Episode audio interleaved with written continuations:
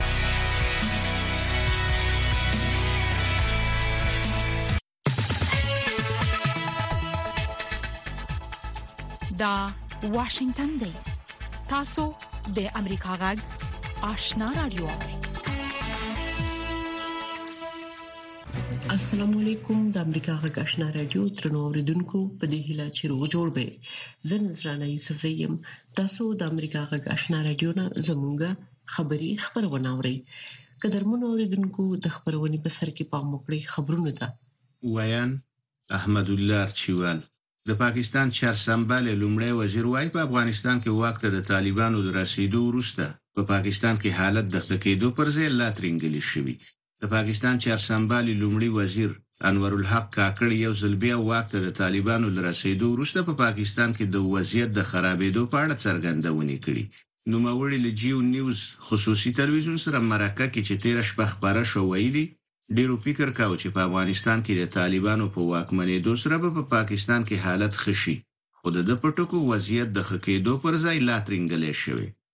د خوندیتوب لپاره د مسوولیت نړیوال مرکز وايي، طالبانو په افغانستان کې له ټولنې څخه د نجونو او ښځو په حذفولو سره د دوی پر وړاندې جنسیتي تبعیض په پراخه کچه او سیستماتیک ډول بنسټیز کړی. خو د طالبانو حکومت تل ویلي، چې په افغانستان کې د اسلامي شریعت په چوکاټ کې د ښځو حقونه خوندي دي. د دغه مرکز په یوه نوي راپور کې چې پرون د ملګرو ملتونو د بشري چارو د همغږۍ د دفتر، اوچا، په یوه ویبپاڼه کې خپور شو راغلي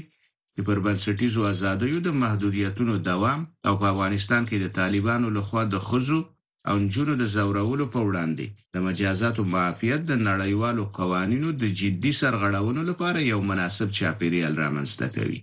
د طالبانو د حکومت چارواکي وايي، د بهرنیو چارو سرپرست وزیر د افغانستان لپاره د ایران د ولسمشر له ځانګړي استازي او سرپرست سفیر سره د نورو مسایلو تر څنګ په هغه هېواد کې د په اعدام محکوم شویو افغانانو پر مسلې هم خبرې وکړي. د طالبانو د بهرنیو چارو وزارت وايي، په هغه کتنه کې چې د بهرنیو چارو سرپرست وزیر امیرخان متقي او د افغانستان لپاره د ایران د ولسمشر ځانګړي استازي او په کابل کې د ایران د سفارت سرپرست حسن کاظمي قمي ترمنځ ترسره شوه، د افغانستان او ایران ترمنځ په بېلابېلو برخو کې د اړیکو د پراختیا ترڅنګ د قضايي همکاریو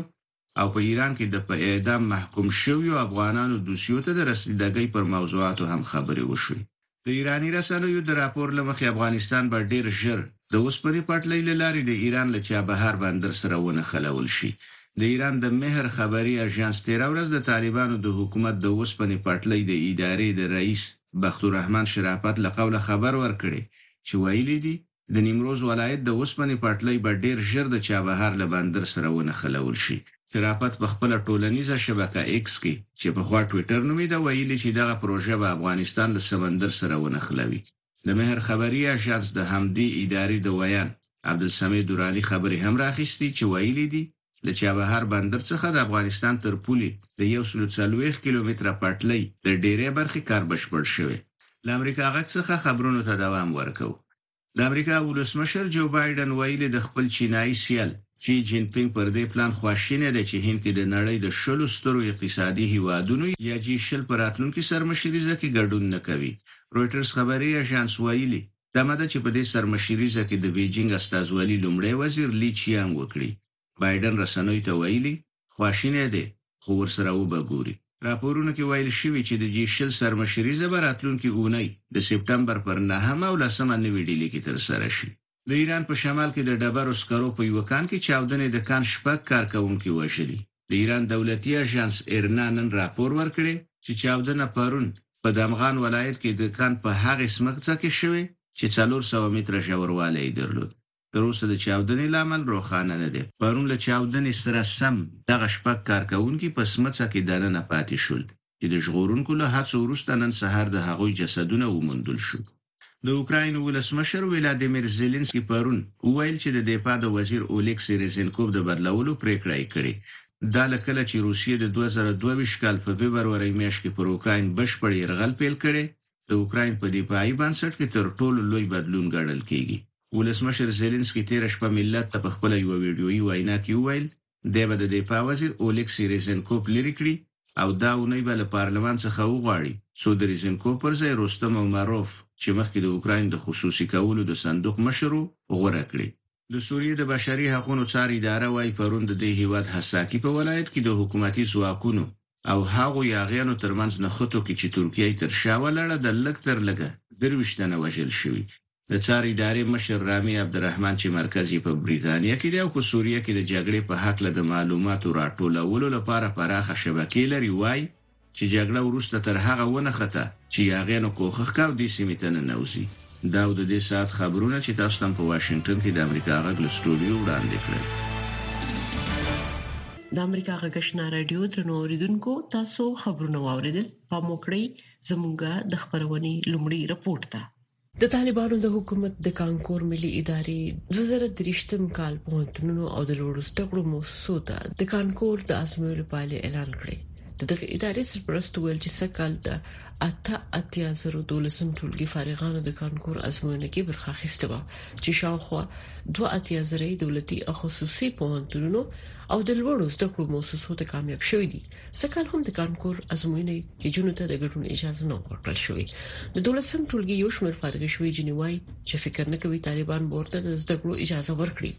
اکرام شنواری رپورټ را لګلې د طالبانو حکومت د دوشنبه په ورځ کابل کې د 1402 لمریز کال د کانکور د ازموینې پایلې اعلان کړې چې لمخې څلور څلوېښت زره او درې سوه شپږ دېرش د دولسم ټولګي فارغانو دولتي پوهنتونونو او د لوړو زده کړو موسسو ته لاره موندلې ده. د طالبانو حکومت د لوړو زده کړو د وزارت د پرېکړې له مخې د کانکور د ازموینې ملي ادارې سږ کال هم د کانکور په ازموینه کې نجونو ته د ګډون بلنه نه وه ورکړې. د طالبانو تر کنټرول لاندې د ازموینې ملي ادارې سرپرست، مولوي عبدالباقي حقاني وویل چې د تېر کال پرتله سږکال د کانکور په ازموینه کې دوی د کومو ستونزو سره نه وو مخ شوي او هم سږکال د تېر کال پرتله د کانکور د ازموینې د ګډون کوونکو شمېر زیات و. په تېر کال کې څلوېښت زره اته سوه نهه دېرش کسان امارتي لوړو زده کړو موسسو ته کامیاب شوي وو، سږکال یې څلور څلوېښت زره،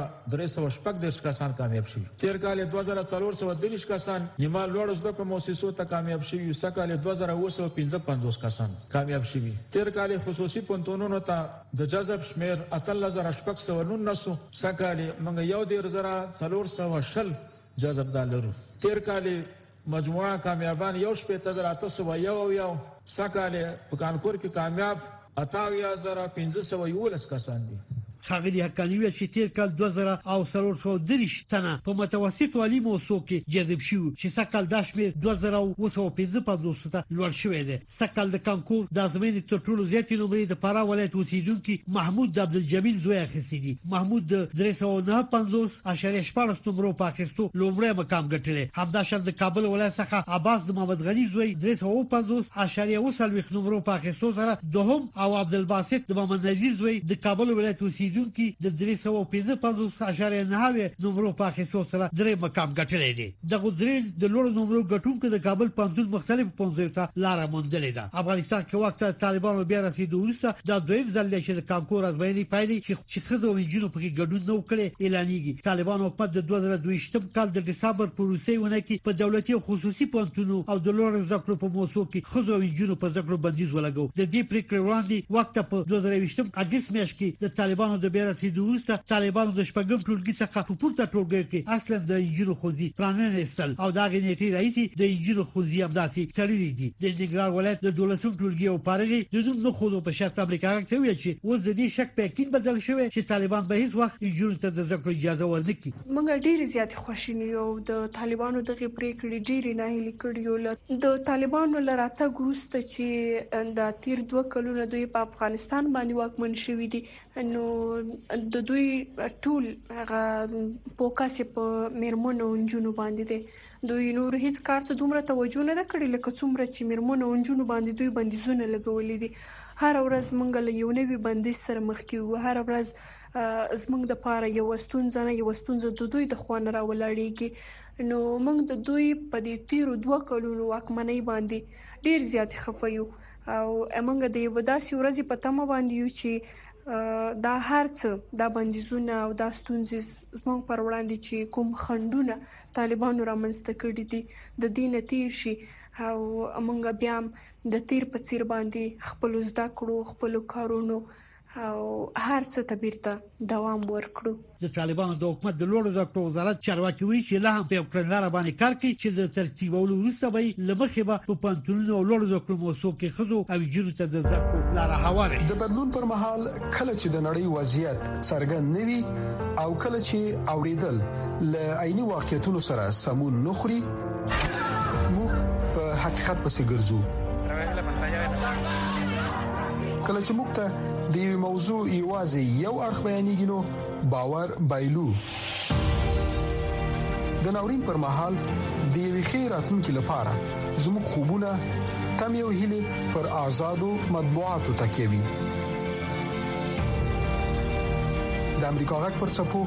موږ هغه خبرونه خبرو چې خلک یې د لیدلو لپاره غواخونه مني موږ نړۍ سره وسلو او د حقیقت په ویلو یو موټی کوو د امریکا غږ لاري موږ بشپړ انزور درکو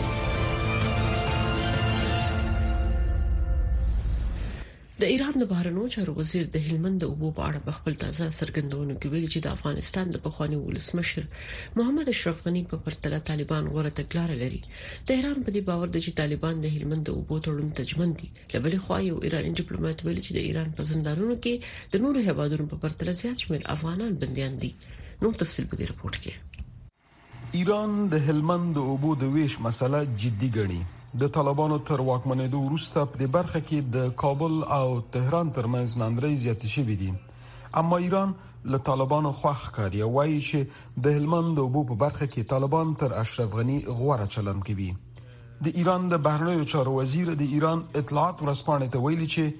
دوی د هلمند د کجکي د بند د پرانیستې په مراسمو کې د ولسمشر غني خبره نه هېروي دا چې د ایران د بهرنیو چارو وزیر اشاره د غني کومو څرګندونو ته څرګنده نه ده اما د افغانستان پخوانی ولسمشر تل ویل چې د افغانستان اوبه د تیلو په بدل کې پلوري امیر عبداللهیان په خپل خبرو کې ویلي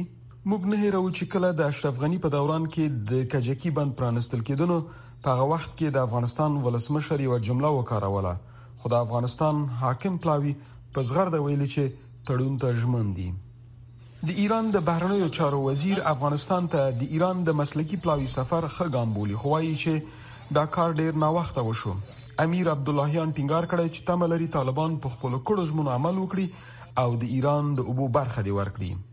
له ټولو لانجو او لفظي شخړو سره سره ایران په کومو دلایلو له طالبانو راضي ده. په تېر وخت کې یعنې په جمهوریت کې د هغه وخت ولسمشر همیشه به دا خبره کوله چې ایران دې موږ ته تېل راکړي موږ ته دوی ته اوبه ورکوو دا په دې مانا و چې متعادل تجارت باید د افغانستان او ایران ترمنځ موجود وي او هر شی پر اساس د ملي ګټو په اساس د یو تجارت رامنځته شي. پوهیږو چې د کونړ او هلمند د سیند اوبه د افغانستان په سیاست کې تل حیاتي رول لرلی او د طالبانو په څیر پردي پال نظامونه چې د خپلو دهقانانو اوبه دایرانیانو کښتونو ته وړیا اور پرې ږدي طبعا به د ایران د حکومت له ملاتړه برخمن کیږي خو هغه نظامونه لکه جمهوري نظام چې خپل اوبه د وطن ابرو ګڼلي او ایران نه د اوبو په بدل کې تیل غوښتلي تاسو لیدلی تل چې د سپای پازاران او ایس آی د اجیرو ملیشو پر مټ دغه نظامونه پرځیدلی د یو بل خبر لمخې د ایران د بهرنیو چارو وزارت یو چارواکي ویلي چې د دغه هیواد په زندانونو کې شاوخوا شپږ زره افغانان بندیان دي. د ایران د بهرنیو چارو وزارت د قونسلي چارو عمومي مدیر علي رضا محمودي د ایران اسنا خبري اژانس ته ویلي چې اوسمهال د ایران په زندانونو کې د نورو هېوادونو په پرتله زیات شمېر افغانان بندیان دي. د افغانستان د جمهوري نظام چارواکو ویلي وو چې په ایران کې شل زره افغان کډوال بندیان دي. د سیاسي چارو شنونکی محمد اسحاق ادمر په دې باور دی چې د تهران او کابل نېکو اړیکو ته په کتو طالبان باید په ایران کې د افغان بندیانو چاره وکړي. اوس ته کولی شې د بهرنیو چارو وزارت یا نور مسؤلین، د طالبانو، ایراني چارواکو سره په دغه برخه کې خبرې وکړې او دغه مرستې ترلاسه کړې تر څو چې هغه بېوزله افغانان چې په ایران کې بندیان دي او دوی هیڅ امکانات د دې نه لري چې حتی خپل دعوا پر مخ بوځي. د افغانستان جمهوري نظام د ایران سره د بندیانو د تبادلې تفاهم لیک لاسلیک کړی او چې له مخې یې په سلګونو بندیان د ایران له زندانونو څخه افغانستان ته انتقال شوي دي. د طالبانو حکومت د بهرنیو چارو وزارت هم د روان کال د مارچ په میاشت کې ویلي و چې د ایران حکومت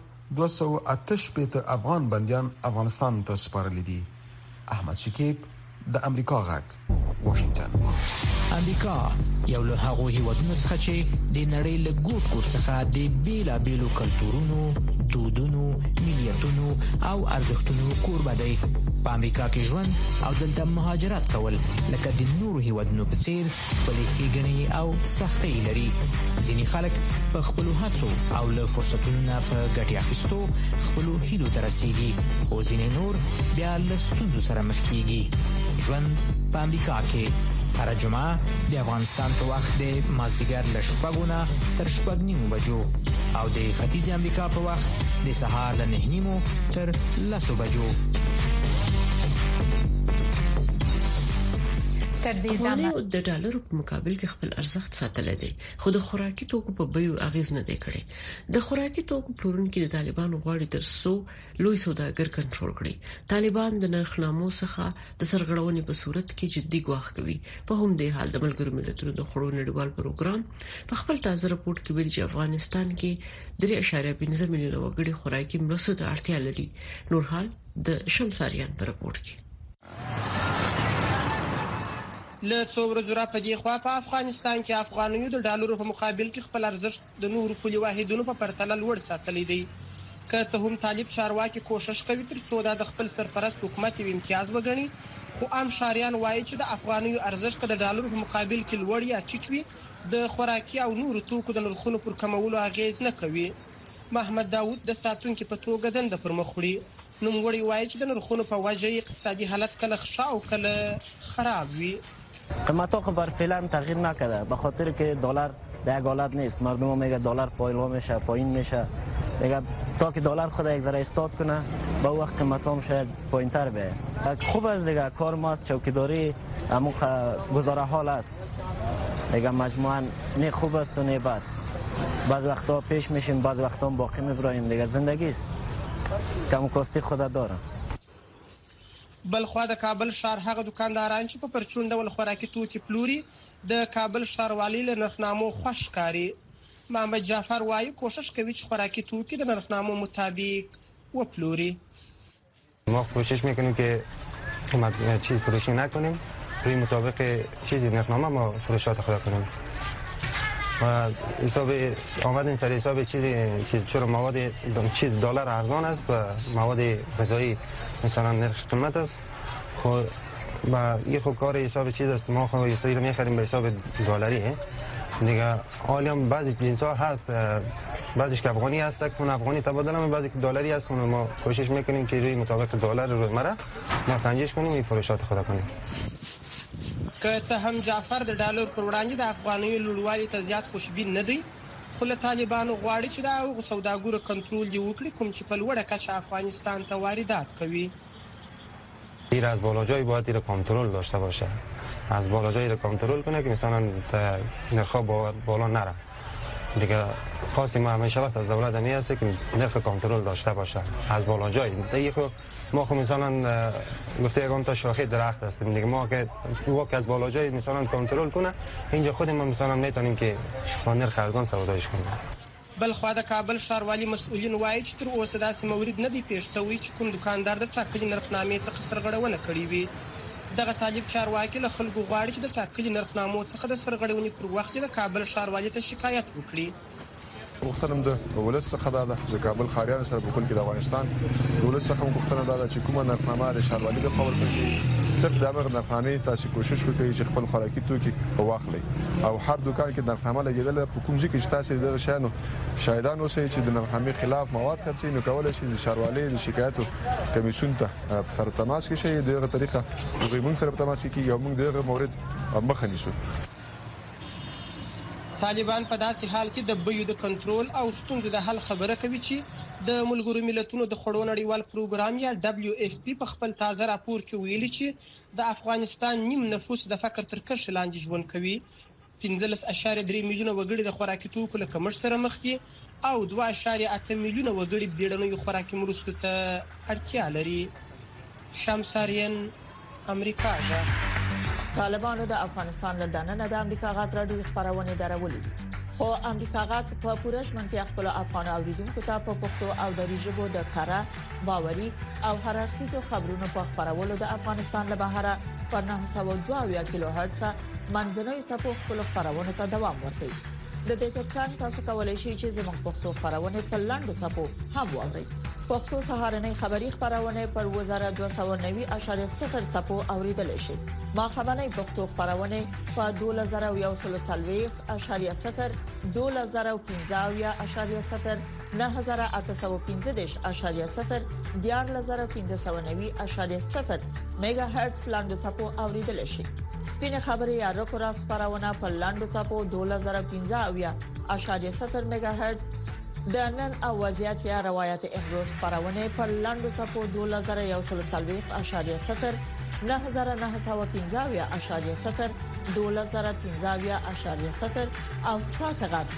یا ساده شما خبرونه پر لاندو سپو 2513.0 9315 میگا هرتز اوریدل شي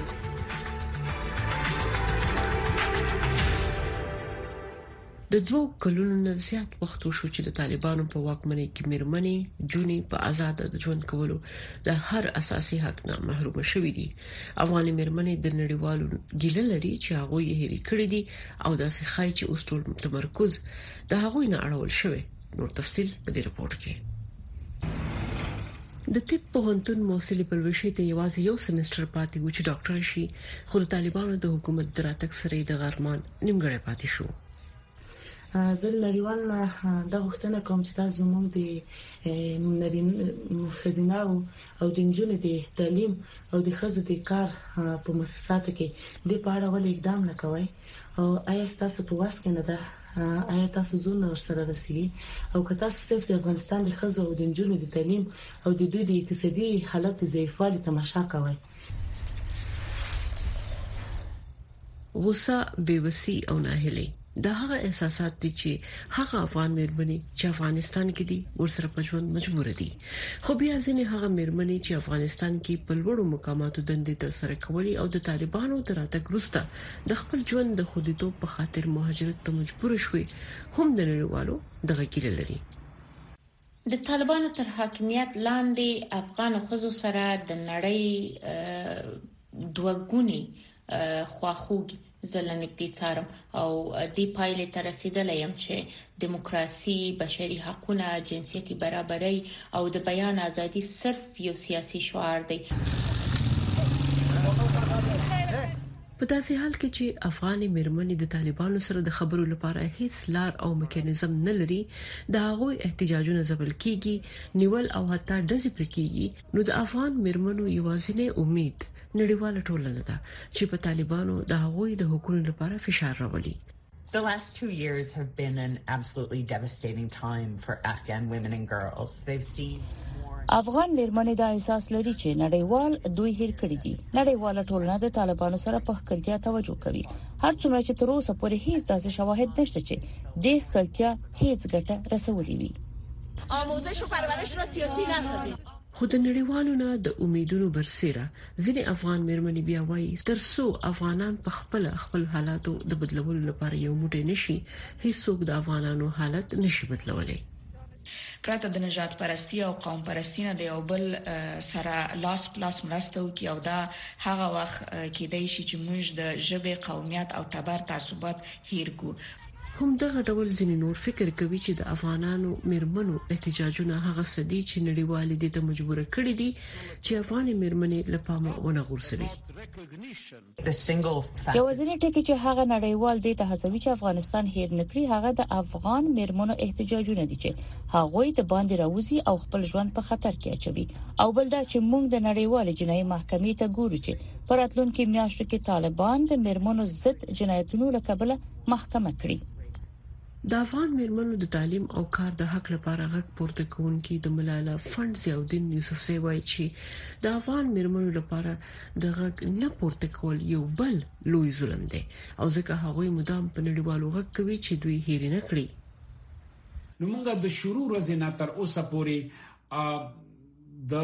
غلي نه یو ناست، په قلاره نه یو ناست، خپله مبارزه مو جاري ساتلې ده. او د هغې وجه دا ده چې دا د افغانستان د پنځه میلیونه جنو د تعلیم مسله ده دوه کال وروسته هم طالبان په دې نه دي قانع شوي چې د میرمنو د تعلیم او کار نه محرومول د شریعت ضد عمل دی او دا څرګندونه ده چې د طالبانو دریس په دې برخه کې کله مثبت لوري ته بدليږي او کنه نصرانه یوسفزۍ امریکا غږ واشنګټن امریکا یو له هغو هیوادونو څخه چې د نړۍ له ګوټ ګوټ څخه د بیلابیلو کلتورونو دودونو ملیتونو او ارزښتونو کوربه دی په امریکا کې ژوند او دلته مهاجرت کول لکه د نورو هیوادونو په څیر خپلې ښېګڼې او سختۍ لري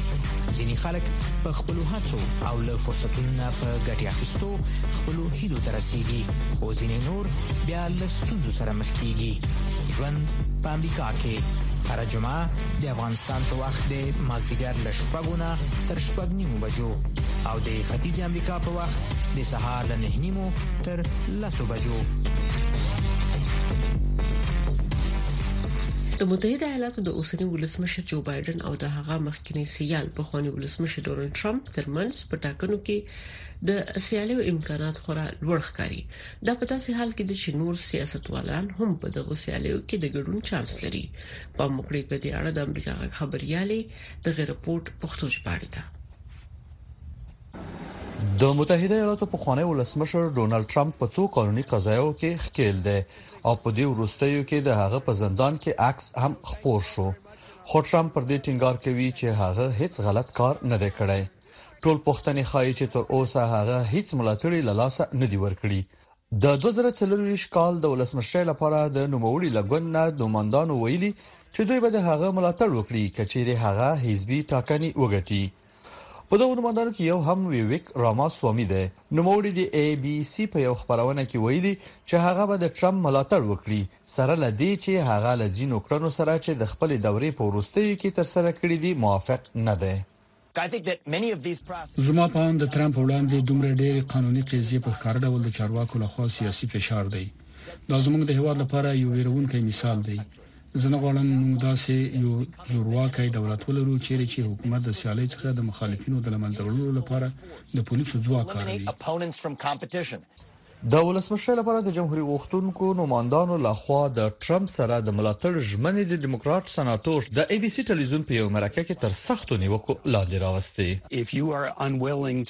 که تاسو نه غواړئ ووایاست چې د ډونالډ ټرمپ کړنې د واک د سوله ییز لیږد د ړنګولو هڅه وه، نو تاسو وړ کس نه یاست که تاسو له دې سره سره ژمنه وکړئ چې هغه ترای ورکوي او هغه بخي آیا تاسو به وټاکل شئ په داسې حال کې چې په متحده ایالاتو کې د ټاکنو موسم پیلېدونکې دی د نیو هامپشر والی کریس د ان بي سي ټلویزیون سره په خبرو کې جمهوریت غوښتونکو ته د مشورې په توګه وویل چې د ټرمپ نوم نور نه چلیږي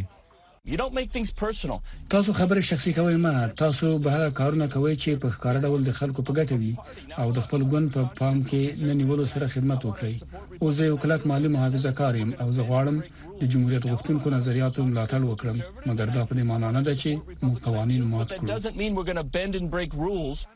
سره له دې چې عمومي ټاکنو ته لا هم یو کال څخه ډیر وخت پاتې ده، خو شنونکي په دې باور دي چې ټرمپ قانوني ستونزو او د بایډن ډیر عمر سربیره نور عوامل هم کیدای شي د امریکا رایې اغیزمنې کړي.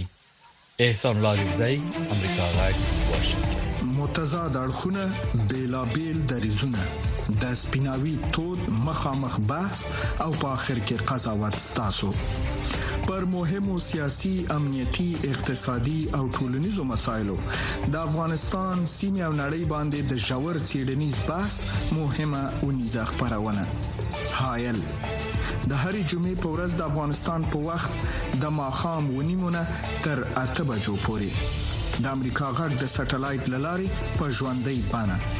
هایل د امریکا غږ د روانو چارو نوي ټلویزیونی خبرونه